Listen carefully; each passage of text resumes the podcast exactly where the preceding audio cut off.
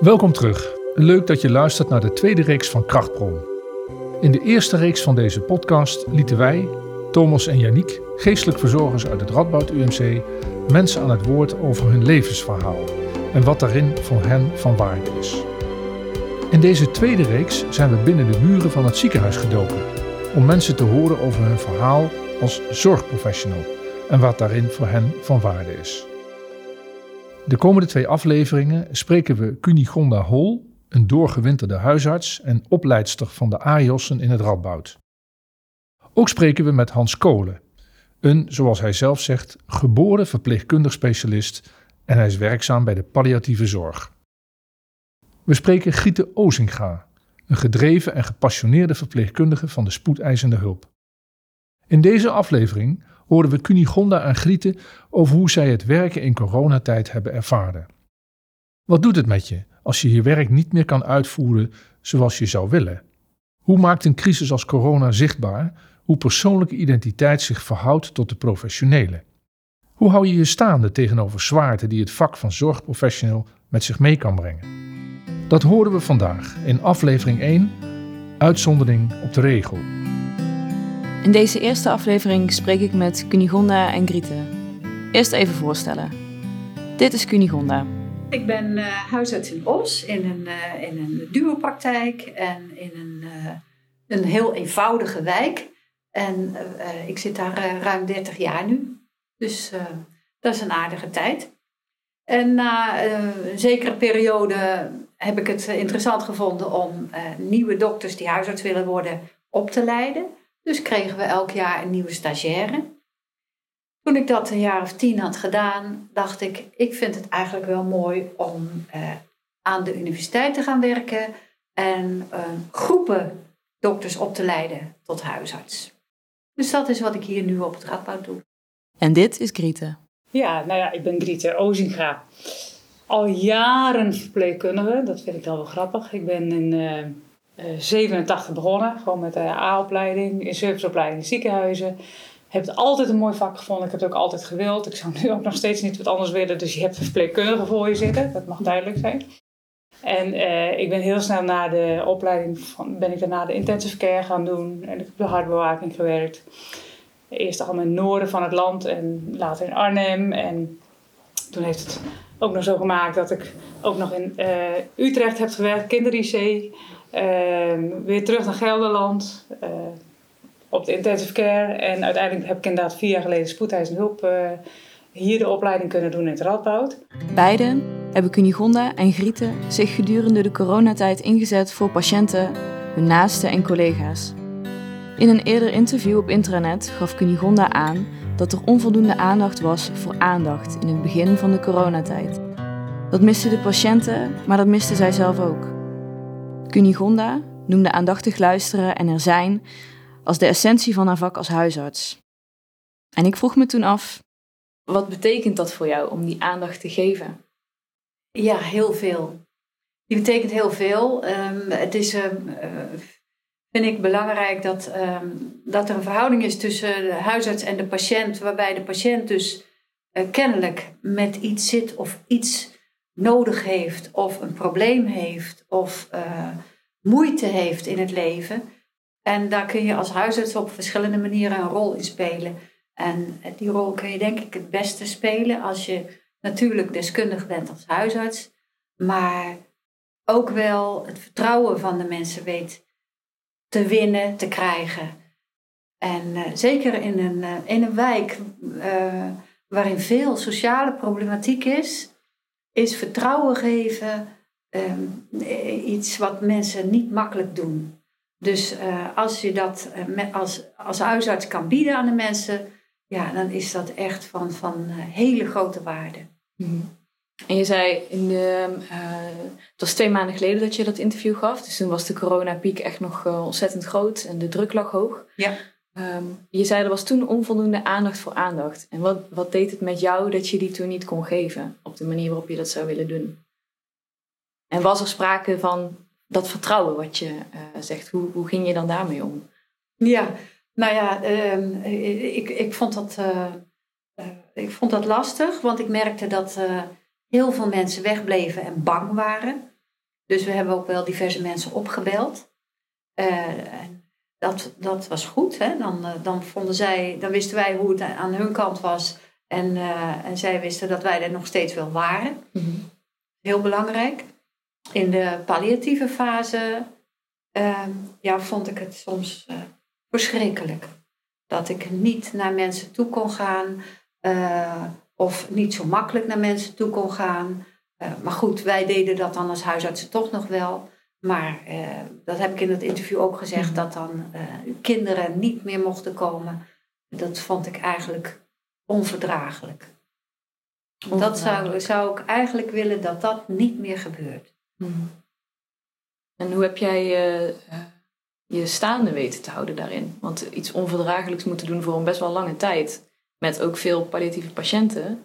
Ja. lijkt me nogal ja, nou, dus als huisarts kun je er natuurlijk wel heen. En ik weet dat er bijvoorbeeld in uh, patiënten van mij die uh, in het ziekenhuis opgenomen waren, uh, meemaakten dat de afdeling dan toch ook een uitzondering maakte voor de partner.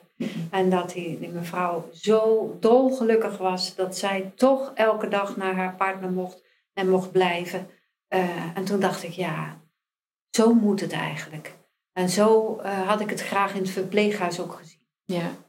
Dus een uitzondering waar dat gewoon echt nodig is. Dat je echt goed kijkt uh, um, ja, wat, wat, wat de afweging is die gemaakt moet worden. Mhm. En die afweging is niet eenvoudig uh, voor de beleidsmakers uh, met het coronavirus en de verspreiding natuurlijk. Maar in het individuele geval dat er dan één persoon wel naar die patiënt toe mag van de familie, van de naaste ja, dat vind ik eigenlijk wel uh, van, uh, van levensbelang. Ook met Grieten sprak ik over zulke soort situaties waarbij de spanning tussen de regel en de uitzondering groot is. Moeilijke keuzes die gemaakt moeten worden waarbij ethiek een grote rol speelt. Iets wat Grieten al langere tijd bezighoudt, wat ook tijdens corona in beeld kwam, is het vraagstuk rondom reanimatie. Als je het hebt over ethiek, um, de afgelopen tijd in het ziekenhuis, maar eigenlijk overal, uh, is ethiek volgens mij wel behoorlijk aan het licht gekomen met ja. alle coronatoestand. Zeker. Zeker. Wat is nou uh, een, een, vraag of een kwestie op dat ethisch vlak waar jij je de afgelopen tijd mee bezig hebt gehouden? In de ethiek speelt altijd al, wat is ethiek? Nou, bijvoorbeeld in mijn geval, op de IC speelt het heel sterk. Wil je wel of niet gereanimeerd wil, of je of wel of niet gereanimeerd wil worden? En daarna volgt ook altijd de vraag: wil je naar de intensive care, ja of nee? Um, dat is een vraag die al heel lang speelt en waar we het eigenlijk in de buitenwereld niks van afweten dat dat speelt. Um, nu gaat, is, komt er ineens corona voorbij en dan is het niet meer de vraag, maar dan zijn er ook mensen die zijn gewoon voor het blok gegooid op medische gronden. In deze coronatijd gaan we u niet meer reanimeren en u gaat ook niet naar de intensive care. Waarop één patiënt tegen mij zegt: Dan is dit dus mijn doodvonnis. Toen dacht ik: Wauw, dit is een snoeiharde die hier binnenkomt. Want hij mocht inderdaad naar links, waar de anderen misschien naar rechts mochten. Wel naar de intensive care, wel gereanimeerd. En die dokter had gelijk, helemaal gelijk. Ik was het ook helemaal met hem eens. Ik stond er ook helemaal achter. Die man die op basis van zijn voorgeschiedenis had hij geen kans gemaakt. Ja. Maar waarom in Nederland weten we dat wel in het ziekenhuis? Maar vertellen we dat niet de mensen daarbuiten? Ja. Want dan mensen kunnen geen keuze maken als je acuut het ziekenhuis inkomt en je bent ziek. Want de vraag, diezelfde vraag, als je die aan mensen geeft, dan is het wat mensen volgens mij denken: wil je wel of niet leven? En Ja. dat antwoord krijg ik. En dat snap ik. Dat snap ik. Want waar gaat het eigenlijk om? Of ze, Als je het niet weet, wat, wat is eigenlijk de kwestie? Als je het niet weet, dan is het de kwestie dat je, de, dat, dat je het verkeerde antwoord geeft. Namelijk, je denkt, je, je, je snapt die vraag gewoon niet. Je gaat de vraag beantwoorden, wil ik nog leven of niet meer leven? Daarop krijg ik een verkeerd antwoord. Wat je eigenlijk wil, is dat die patiënt die vraag thuis in hele rustige situaties kan overdenken. Met iemand kan bespreken. Dus gaan nadenken over het leven. Misschien met de geestelijke verzorger. Nog fijner ook met de huisarts, et cetera. Maar misschien in groter verband. En dat zijn dingen die mij altijd hebben bezighouden in de zorg. En soms kan ik er een klein beetje in helpen. En daar word ik een heel tevreden mens van. Bijvoorbeeld door, eh, wij staan natuurlijk best veel bij de familie. En, eh, je, eh, en dat helpt wel als je al zo lang in het vak zit en, en het interessant vindt. Ehm, dat je dan bijvoorbeeld merkt aan de familie van, eh, ja, je hebt oude ouders. Dat is sowieso een, een, ook een periode, dat kun je ze niet kwalijk nemen. Daar werd vroeger niet zo gesproken en niet over, zo over nagedacht. En dat is best wel vrij direct. Dus die mensen die gooien dat op de lange baan en die, die laten dat. Dat wil niet zeggen dat de kinderen daar ook zo over nadenken. En dan zie je soms dat je, en dan, dan wil het wel eens dat, je de, eh, dat ik die vraag eh, stel in zo'n kamertje met alleen de familie. En dan zeg ik van, nou die vraag gaat straks aan jullie gesteld worden. Hebben jullie daar wel eens over nagedacht? En dan zeggen ze van, nou, daar wil ik het best even over hebben. En dan Ja. vertrek ik en dan hebben ze het erover. En dan zijn ze iets meer voorbereid. Op de arts die dus die vraag Ja. komt stellen. Ja. Of soms ook wel bijvoorbeeld artsen die kunnen dat best vrij. eh, nou, dat is, het is ook een kunst om die vraag goed te stellen. En als je net uit de schoolbanken komt, ben je met heel veel bezig, maar niet met die ethische vragen. En dan denk ik, die stel je gewoon op. En dan, je, dat hoor ik artsen ook vaak zeggen van ja, misschien niet voor u van toepassing, misschien heeft u er ook niet over nagedacht. Maar ik wil hem toch, ik moet hem stellen, wilt u gereanimeerd worden? Nou, dan zucht ik. Dan denk ik, ja, jongens, dit is zo belangrijk. Want het betekent namelijk nogal wat voor diegene. Want als je zegt, ik wil wel gereanimeerd worden, dan gaan wij het, om het maar zo te zeggen, er bovenop. Nou, dat is best veel geweld. En als je 80 bent, dan wil je wel eens een bot, een rib breken.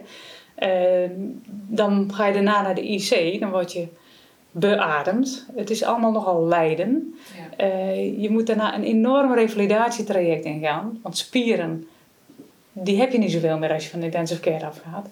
En wil jij die hele weg gaan? Dan kom je thuis, dan heeft Nederland gigantisch bezuinigd op mantelzorgers. En daar moeten we tegenwoordig van hebben. Ja, het wil niet zeggen dat het niet kan. Maar je moet iemand wel voorbereiden dat dat er allemaal achteraan zit. Ja, en dat dan in zo'n zo'n kort tijdsbestek dat iemand eigenlijk onder hoge druk en Ja. hoge spanning binnen wordt gebracht bij jullie. Precies. Ja, En dat vind ik jammer. En als we daar wat mee zouden kunnen doen, dan denk ik dat we in Nederland heel veel gewonnen hebben. Je ziet het ook na corona er in de NRC stonden diverse artikelen van een ethicus bijvoorbeeld die ook zegt van ja, maar dat zijn dingen die al lang gebeuren in het ziekenhuis. ja. En toen dacht ik, oh, het staat hier veel directer dan dat het ooit voor corona in de krant heeft gestaan. En hoe is dat voor jou? Want je bent hier al lange tijd mee bezig, zeg je, met Ja. dit soort vragen, met die hele reanimatiekwestie. Ja. Er gebeurt er eigenlijk een ramp Ja, en pas dan is er aandacht voor iets wat al zo lang gaande Ja. is. ja. Ja, wat gebeurt er met mij? Nou, ik, eh, ik ben zelfs ook wel weer geschrokken van, eh, want ik vind het ook wel een hele integere kwestie. Van, het is nogal wat wat je. eh, maar ik, ik, ik, ik schrik met name dat mijn pleidooi zal altijd zijn van nogmaals, het maakt me niet uit wat je kiest, net zoals met donatie. Als je het zelf maar snapt wat je kiest. En dat je het gemotiveerd doet en dat de vraagstelling klopt. En dat je dan rust hebt op het moment dat het gevraagd wordt binnen een familie. Want uit liefde voor al die mensen. want Het geeft zoveel onrust, het geeft zoveel stress, het geeft zoveel, ja, ook lijden. Ja. Waar het niet hoeft. En als je die eigenlijk onverdraagbare omstandigheden meemaakt als verpleegkundige, hoe ga je daarmee om? En die andere kant, ik zit nog steeds met die Ja. man in mijn hoofd. eh, Ja. Waarvan je zei, dan is dit mijn doodvonnis. Hoe incasseer jij zoiets? Nee, die gaat nooit weer uit mijn hoofd. Nee? Nee, omdat het ook zo typisch geeft wat corona was namelijk. Die man, eh, die nam zijn, eh, volgens mij was zijn schoonzusje of zoiets mee. Eh, omdat er verder, er mocht maar één iemand mee op de spoedeisende hulp. Dat werd zij, want haar, zijn vrouw is al overleden. Deze man heeft ook vier kinderen.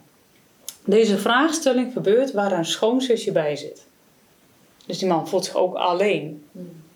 Vervolgens, na die vraagstelling, moest het schoonzusje vertrekken. Hmm. En moest die man naar de afdeling. Hij heeft zijn kinderen niet gezien, hij heeft ze niet gesproken. Hij is met het doodvonnis, omdat die corona verdacht is, in een eenpersoonskamertje neergelegd. Nou, dat vind ik bijna misdadig. Ja, misdadig. Het is alsof je toch in een isoleercel zit daarna. Sowieso in een emotionele isolatiecel, ja. En dat hebben we gedaan met meerdere mensen. ja. Dat is echt schrijnend. Dat is echt schijnend. Ja. En ik weet ook, verpleegkundigen hadden geen tijd, snap je? Het, want je, het kost ontzettend veel tijd, al het omkleden. Maar al het omkleden betekent ook dat je niet zomaar even naar iemand toe gaat meer. Ja. Wat heeft dat gedaan met je werk? we Ehm, zien eigenlijk heel veel familie? En ik Ja. herken dat ook van jullie. Jullie lopen vaak binnen, super betrokken. En hoe gaat het nou? Kan Ja. ik iets doen? En, ja, konden we niet. Want iedereen was eh, isolatie. ja. Dus het- wat het met ons doet, ja, je bent. ehm, nou, dat, dat gaat ook in stappen. Eh, de eerste dag dan denk je echt, dit kan niet waar zijn. Dat gaat niet. Dit, eh, hier ga je kapot. Maar wat is het alternatief? Eh, je hebt geen alternatief. Niks, nee. Je doet het. Ja. En later denk je, nou, eh, het maakt wel dat ik nu denk, ik wil hier echt nooit weer naar terug. Dit is, coronatijd was wat mij betreft in één woord schrijnende zorg. Om dit. Ja. Maar goed, een kwestie van willen. Ja. Niemand wil hier naar terug, maar de kans is wel dat we er naar terug gaan. We hebben elke, kijk, je kunt ook zeggen van, nou, dat zijn dan, eh, ik kan er nog veel meer van die dat soort verhalen vertellen. Maar je, ja, wat was dan wel mooi in corona? In corona was ook een verpleegkundige op een algemene afdeling die zei van, eh, ja, er mag maar één bij u komen. Zei ze tegen meneer, die ook laatste levensfase was. Ja. Maar er is niemand die heeft gezegd dat u niet naar hen toe mag. En die heeft de patiënt naar buiten gebracht. Dat meen je niet. Ja. En dat vind ik echt vind ik fantastisch. Ja. Vind ik fantastisch dat ze dat gedaan heeft. Daar heb je lef voor nodig, hè? Daar heb je lef voor genomen. Moet je buiten de gebaande paden. En je moet nog een beetje energie over hebben. Ja. ja, want ik vraag me af eh, wat iemand drijft om dat te doen. Het, nou ja, enerzijds hier niet mee eens zijn, snap je? En toch een beetje creatief proberen toch te overleven, zeg maar, ook als verpleegkundige. Om te zeggen van ja, maar dat... ga- Want een van de dingen is, heeft zij waarschijnlijk ook, net zoals ik het heb, van joh, we hebben een fantastisch vak. Ja. Maar als jullie eh, ons al die regeltjes gaan opleggen, eh, dan gaan we af en toe wel even buiten pissen. Om het, om het draagbaar te houden, ja, Oké. Heb jij buiten gepist? zeker. Ja? Ja, zeker. Zeker. Ja. Ja, door bijvoorbeeld, eh, maar ook wel, wel eh, als spoedheidshulpverpleegkundige met z'n allen. Door het erover hebben, over, we hebben, met z'n allen zijn we het erover eens dat dit een schrijnende zorg is. Dat moet je gewoon niet willen. Over een half jaar gaan allemaal mensen naar de huisarts, fysiotherapeut met onbegrepen klachten. Spierpijn, rug die vastzit. Ja. Of nog erger, ja, verwachten we massaal. Want als je niet rouwt, dat gaat echt ergens in zitten. Ja, natuurlijk. Ja. En is het niet bij verpleegkundigen, want daar zal het ook zijn. Mensen zijn moe. ja. Mensen zijn echt moe. Collega's zijn moe. En dat, is, dat heeft hiermee te maken. En dan kun je zeggen van ja, ik heb de laatste tijd, ik heb vakantie gehad en dat soort dingen. Maar rouw gaat ergens in zitten. ja. Ook die rouw om, om, om je vak, om wat je niet hebt Ja. kunnen doen. Ja, Die vraag die jij, of dat motto eigenlijk wat jij voor jezelf hebt, hè, van ik wil bezig zijn met wat belangrijk is voor de mensen of waar het om draait. ja, Als ik jou goed herhaal wat je zei. ja, Als iemand zijn familie wil zien en dat is juist belangrijk en dat kan niet, precies. waar ben jij dan dan nog toe? Ik had een collega op de spoedeisende hulp. Die, eh, die mevrouw die eh, ging dood op de spoedeisende hulp. En er mocht maar één iemand bij, want dat is de regel. Dus ze ging naar die wachtkamer. En er staan er twee dochters. En ze zei, ik mag één van jullie uitnodigen. Ja? ja? Ah, Wat ga je doen dan? Nou, Is dat, dat ga- je toch niet doen? Ik zou keihard buiten pissen. Ik zou Ja. zeggen, kom. Nou, zijn we het eens. Zijn we het eens. En ik hoop dat we massaal dat gaan doen. Maar die uitzondering op de regel maken als het echt nodig is, is daar, komt daar bezwaar op terug? V- wij hebben het geëvalueerd met de leiding. En toen hebben we zelfs besloten om dan in dat geval te zeggen: we gaan, ja, bij ons is dat dan Kamer 19, die staat ervoor open. De deur gaat open voor alle familieleden op dat moment. Ja. Punt. Ja. Dat is het enige wat we kunnen doen. En dan kunnen we ze daarna verzoeken om via de ambulancehal naar buiten te gaan, zodat wij ze niet meer tegenkomen, et cetera, et cetera. Dat gaan we doen. En daar worden wij toch weer heel blij van.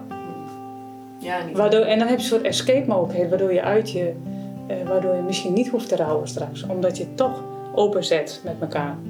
Ja.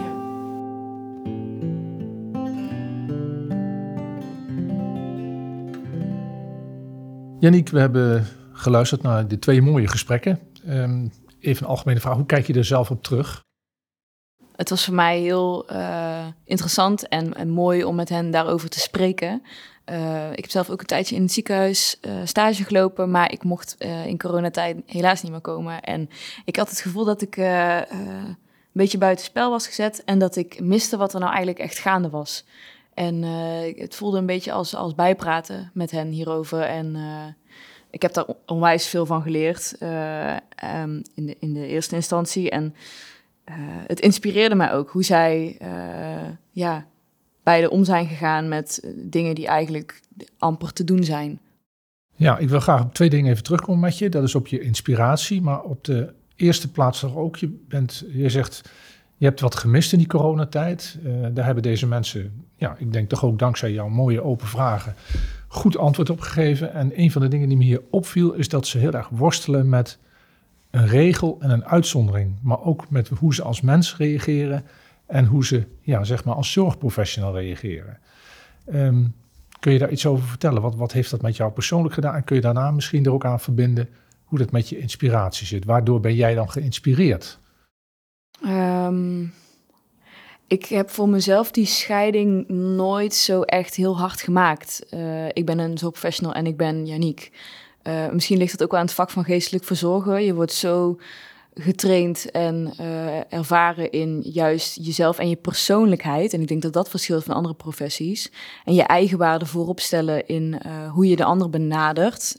Um, of in ieder geval, nou, dat, dat is mijn uitgangspunt. En zij maakte die scheiding wel redelijk. En ik vond dat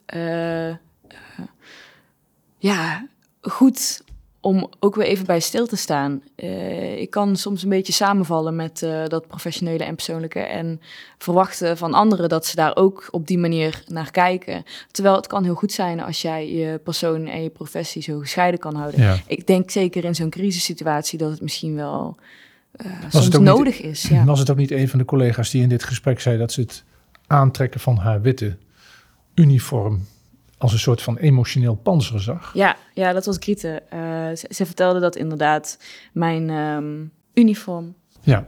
Mijn uniform is mijn harnas. En zodra ik dat afdoe, dan kan ik alles wat die dag met zich mee heeft gebracht op de spoed, kan ik hier achterlaten. En dan kan ik naar huis gaan en dan ben ik, dan ben ik gewoon in mijn eigen omgeving en dan ben ik Grieten.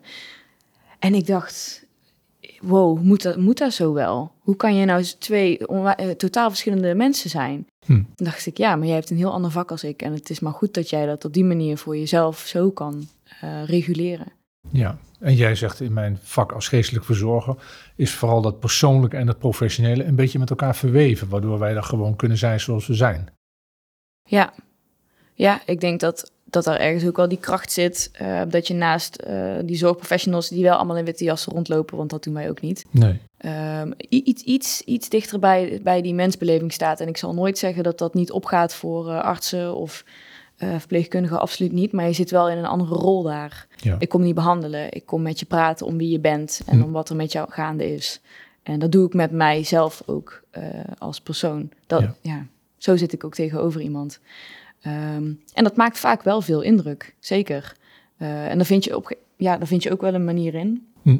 Hoe dat je dat uh, uh, verwerkt. Maar ja, ik, ik, zag in één keer het voordeel van die witte jas ook wel. Ja. En het nut en de functie. En ik vond het een mooi iets, als hoe zij daarover vertelde. Ja. ja. En ik denk dat ik het eerder zag als misschien een beetje medisch. En dat hoort bij de zorg. Ja. En nu niet. Nu denk ik, ja. Nou, ik vind het ook heel mooi dat je dit ook boven tafel krijgt in, dit, in deze gesprekken. Het is een hele ja, het is een bijzondere op, ja, een stukje openbaring van de mensen zelf die als zorgprofessional in ons ziekenhuis werken. Ja. Hè, zoals er over gedacht wordt. Wat, zou ik nog eh, even op terugkomen. Wat is jouw inspiratie geweest? Wat, wat, wat heb jij opgepikt van deze twee mensen? Je zegt van ja, daar ben ik door geïnspireerd geweest. Um, ze, ze, zeiden dat beide, uh, er was uh, nodig dat, dat er bij individuele gevallen waarbij de nood hoog was, uitzonderingen gemaakt werden. Hmm. Wel dat extra familielid erbij. Wel um, bijvoorbeeld wat Grieten vertelde over die verpleegkundige die iemand naar buiten heeft gebracht om bij zijn familie te kunnen zijn. Ik vond het geweldig. Dat zei ook hoe ze erover vertelt, maar... Was het ook niet een van deze collega's die de term creatief overleven gebruikte? Ja, ja. En Cunigonda had het daar ook over. En uh, ik vind het dan uh, heel mooi dat dat zijn twee allebei heel, heel ervaren zorgprofessionals, werken al jaren uh, in hun vak. en ze konden dat met heel veel vertrouwen zeggen. Zij durfden die, die uitzonderingen te maken. En dat lef en dat durven, ik kon alleen maar hopen dat, dat dat ook op mij mag groeien dan. Ja, ja. In weerwil van regels konden zij toch de uitzonderingen maken... en durfden ze helemaal in hun kracht te staan om te zeggen... maar ik doe het anders, want dit is voor mij niet te verdedigen. Dat ik een man, hè, dat vertelde jij net ook... op een eenpersoonskamertje moet ik een patiënt laten sterven? Dan mag maar één dochter bij of één zoon. En dan hebben ze gezegd, we maken andere keuzes. Dat kunnen we niet met onszelf verenigen. Ja. En jij zegt, dat, dat heb je eigenlijk in ze bewonderd. Dat ze gewoon op het goede moment, vanuit hun jarenlange ervaring, die keuze hebben kunnen maken. Ja, absoluut. Mooi, prachtig. Dankjewel. Creatief omgaan met beperkingen die worden opgelegd. Uitzonderingen op de regel maken daar waar nodig is. Daar waar de nood hoog is. Wat is Cunigonda daarbij zichzelf en anderen tegengekomen? Ik heb echt ook wel zitten denken van... eh, oh, als het nou mijn eigen moeder was. Mijn moeder leeft niet meer. Maar zou ik dan burgerlijk ongehoorzaam worden? Zou ik er toch naartoe gegaan zijn? Ja. Ik weet van een collega die dat ouders in een verpleeghuis zitten... en die toch ook heeft zitten kijken van... is er een achteringang, een trappetje... waardoor ik toch bij hen kan komen? Ja. Dus zo hoog eh, is die nood dan. En, maar goed, als ze wist dat de ouders dan toch eh, bang waren, dan eh, ja, dit is het toch maar niet. ja. Nou ja, zo- En als jij dan in die positie als huisarts zit, je hebt je natuurlijk aan een hoop regels te houden en maatregels. En dan het, burgerlijke ongehoorzame, zeg je, dat begon ergens ook wel op te spelen. Dus- ja, zeker bij mij wel Ja. hoor. En ik heb ook de AJOS, die bij die patiënt dan ook kwam, beetje eh, opgestookt van eh, ga het nog een keer bespreken met de leidinggevende, ga enzovoort enzovoort. Maar ja, op een gegeven moment denk je, we moeten ons bij de landelijke richtlijnen neerleggen. En eh, ik kan niet zo heel makkelijk dan als huisarts dat gaan doorbreken. Maar als ik als dochter zou zijn geweest, dan zou ik het misschien wel hebben doorbroken. Ja. En hoe koppel jij die dingen los voor jezelf? Die verschillende rollen die je hebt. Je bent huisarts, je bent partner, je bent opleider. Ja, Me- Merk je dan ook verschil eh, in wat je zou willen in verschillende rollen? Of wat je zou kunnen? nou ja, als opleider eh, en als docent, eh, ook als we de groepsgesprekken hebben, dan, dan stimuleer je in elk geval dat de AJOS, de huisartsen in opleiding, daar goed over nadenken. En die hebben natuurlijk te maken met dezelfde dilemma's als ik. En, ehm, en eh, ik eh, ondersteun ze heel graag in eh, uitzonderingen maken. Durven te besluiten, nu doe ik dit wel. En wat is daarvoor nodig? Ik denk dat ze goed moeten weten, dat, dus dat ze voor zichzelf kunnen verwoorden. wat is dan het belang, wat het zwaarste weegt? Hoe kan ik dat verantwoorden als ik ervoor op het matje geroepen word? En als je het natuurlijk in zo'n groep met elkaar al besproken hebt. En eh, je hebt de voor's en tegens met elkaar doorgenomen. En eh, je bent dan gezamenlijk tot de conclusie gekomen. Hmm, dat is eigenlijk misschien wel een goede stap die je dan nou gaat zetten. Dan moet je nog altijd zelf beslissen als, als huisarts in de opleiding om het te doen. Ja. Maar dan kan je ook dat noemen als, als steun en reflectie en verantwoording. ja, precies. Want als je dat alleen zou moeten doen, dan... Nou, daar moet je misschien wel eh, veel meer ervaring voor hebben. Want Ja. dan kun je eerder je beroepen op eh, andere omstandigheden en, eh, en, en toelichten waarom je dat nu doet. En eh, ik hoop dat ik het mag zeggen, maar jij hebt die ervaring, denk ik, met ruim 30 jaar Mhm. huisarts zijnde. Heb jij dat je die keuzes, dus die uitzonderingsgevallen, dat jij die wel kan maken zonder overleg? Of kijk jij dan ook samen met een collega of een... Hoe maak jij zo'n afweging? Lijkt me erg lastig. Ja, ja, ja, ja. Die, eh, voor mijn gevoel, ehm, eh, ik, ik kan wel over iets een beetje blijven denken.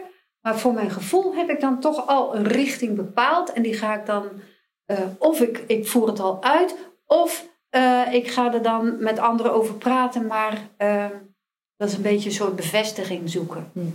Dus je weet eigenlijk vanuit je... Mag ik het intuïtie noemen? Ja, misschien wel. Hè? De, dat, zo, bij zoiets heb ik meestal wel snel een soort kompas van... Volgens mij is dit goed. Ja. Volgens mij... Ja. Ja. En als ik het niet weet, dan kan ik er wel eh, ja, over blijven denken. Maar dan ga ik het wel met anderen delen en bespreken. ja. Ja. In een eerder interview zei Cunigonda: Het gros van de huisartsen is een doener. AJOS zijn blij als ze bezig kunnen zijn. Hoe is het voor huisartsen, AJOS'en, om meer aan de praatkant, de latende kant te staan? Kijk, een huisarts krijgt heel veel sociale problematiek op, uh, op zijn of haar bord. En dat zal de een meer aantrekken dan de ander. Zo zal het ook wel verschillen. Mhm. Uh, en in, als het gaat om uh, palliatieve fase, dan is dat eigenlijk bij alle huisartsen dat ze vaak bij iemand thuiskomen en heel veel gesprekken hebben over het leven van die persoon. Mhm. Dus dat is, dat is niet daarbij, dat maakt er echt gewoon onderdeel van Ja. uit. Dat hoort daarbij, dat het zit erin. En Mhm. dat vinden we ook een heel fijn deel van ons werk. Ja? Ik- Ja. Bij mij komt dan op hoe verhoud je dat tot het eh, doen? Want het is dan best wel zitten en praten en levensverhaal. En Ja, ja, ja, ja. wat kom je daar bijvoorbeeld eh, in tegen bij AJOS'en? Dat die fase, eh, ervaren zij dat ook zo? Van dat hoort erbij en dat is een fijn en goed onderdeel van mijn werk? Of eh, die zitten nog meer in dat doen? Nog iets meer in het doen misschien. En ook wel iets meer in het ontdekken. Eh, welke waarden ze hebben. Hoe, hoe ze van belang kunnen zijn. Eh, dat, eh, ehm, dat het van belang is dat ze naar ouders toe gaan van wie de zoon is overleden. En dat ze eigenlijk helemaal niet weten wat ze moeten zeggen. Maar dat die mensen zo dankbaar zijn. De dingen die ze dus wel aangehoord heeft en gezegd heeft. Dus dat is een, het zijn hele nieuwe ervaringen voor eh AJOS. Ja. En, en dat, zo komen ze ook in hun rol. Mhm. Maar eh, ja, zo merken ze ook dat dat ook van belang is. Mhm. Ja. ja. Vind ik wel interessant. Eh, ik, ik vergelijk dat een beetje met mezelf. Eh, Ja. en toen ik op de spoed liep met allemaal artsen en ook AJOS'en. En ik, ik ben vanuit het GV denk ik best wel gewend aan het dragen. Ja, En wat je zegt, tegenover een arts is best wel doen, doen, doen. ja, Eh, dan moet je toch een hele andere kant van jezelf aan leren spreken. En dan moet je er ook maar net achter komen of dat die bij je past of niet. ja, ja, Ja. ja, ja. Nee, dat klopt. Dus eh, ehm, eh, ehm, ja, ik herinner me inderdaad zo'n zo ge- gesprek van een AJOS die dan bij die ouders kwam. En dat ze dat eigenlijk echt dacht van, ja, wat, wat moet ik hier? Wat, ja, maar achteraf bleek het toch waardevol. Ja. En ehm, eh, ik denk dat AJOS dat erg goed kunnen. De in de opleiding. Mm-mm. Maar als wij eh, casuïstiek met elkaar gaan bespreken, dan eh, bij ethiek bijvoorbeeld, Mhm. ja, dan, eh, dan vinden ze het vaak wel erg traag. Dus dan moet er ook een bepaald soort vaart in blijven zitten. Want eh, alle dingen die wij doen gaan toch wel ja, niet zo snel als op de spoed. Hè? Dan zijn we toch weer de langzamere huisartsen. Maar alles gaat toch wel vrij snel. Ja. Dus ehm, ja, dat is wel het aardige ook om te merken als we een ethisch vraagstuk met de AJOS bespreken, dat dat heel vaak gaat over, ehm, ja, maar mag je dit wel geven? Had je niet eh, nog moeten verwijzen? Eh, ehm, ja, maar hoe zit dat eigenlijk juridisch? Mag je dat wel zeggen aan die dochter? Mhm. Of dat soort dingen. En wat het met jezelf doet. Oh, is dit wel eigenlijk doe ik nu al er goed aan om met deze patiënt deze weg te bewandelen? Dat is, eh, ja, dat, dat is nog anders. En dat is stilstaan. En dat, Ja. ja, ja ik, ik, ik weet het niet. ehm, de snelheid van AIOS is alleen maar toegenomen, vind ik. ja. Snelheid in praten, snelheid in alles. Ja, Wordt er nog ruimte gegeven om stil te staan, denk je? Zo in jullie dagelijkse praktijk? Nou ja, in, eh, in- tijdens ieder consult even. Hè. maar dat is het. Dat is niet een half uur natuurlijk. Dat is Nee. ook geen uur. Nee. Nee, nee.